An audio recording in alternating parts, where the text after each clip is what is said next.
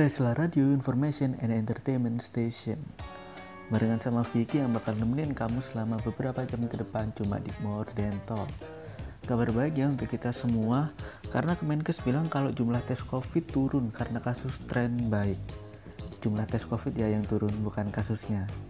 Nah dari sumber covid19.go.id grafik positif COVID-19 di tanggal 28 Oktober kemarin kasus positif corona itu nambah kisaran angka 4% loh ternyata. Tapi turun sebanyak 3.500an di 29 Oktober. Terus turun lagi jadi 2.800an di 30 Oktober. Nah 31 Oktobernya juga turun lagi. Sampai tanggal 1 November cuma ditemuin sekitar 2.600an kasus.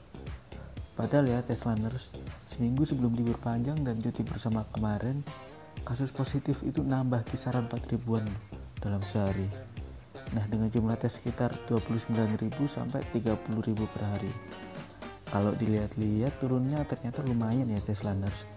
Dari yang sebelumnya 4 ribuan kasus turun jadi 2.600an kasus saja. Nah semoga nggak cuma jumlah tes aja yang turun. Tapi angka positifnya juga cepat turun. Satu lagu lagi dari Billie Eilish My Future.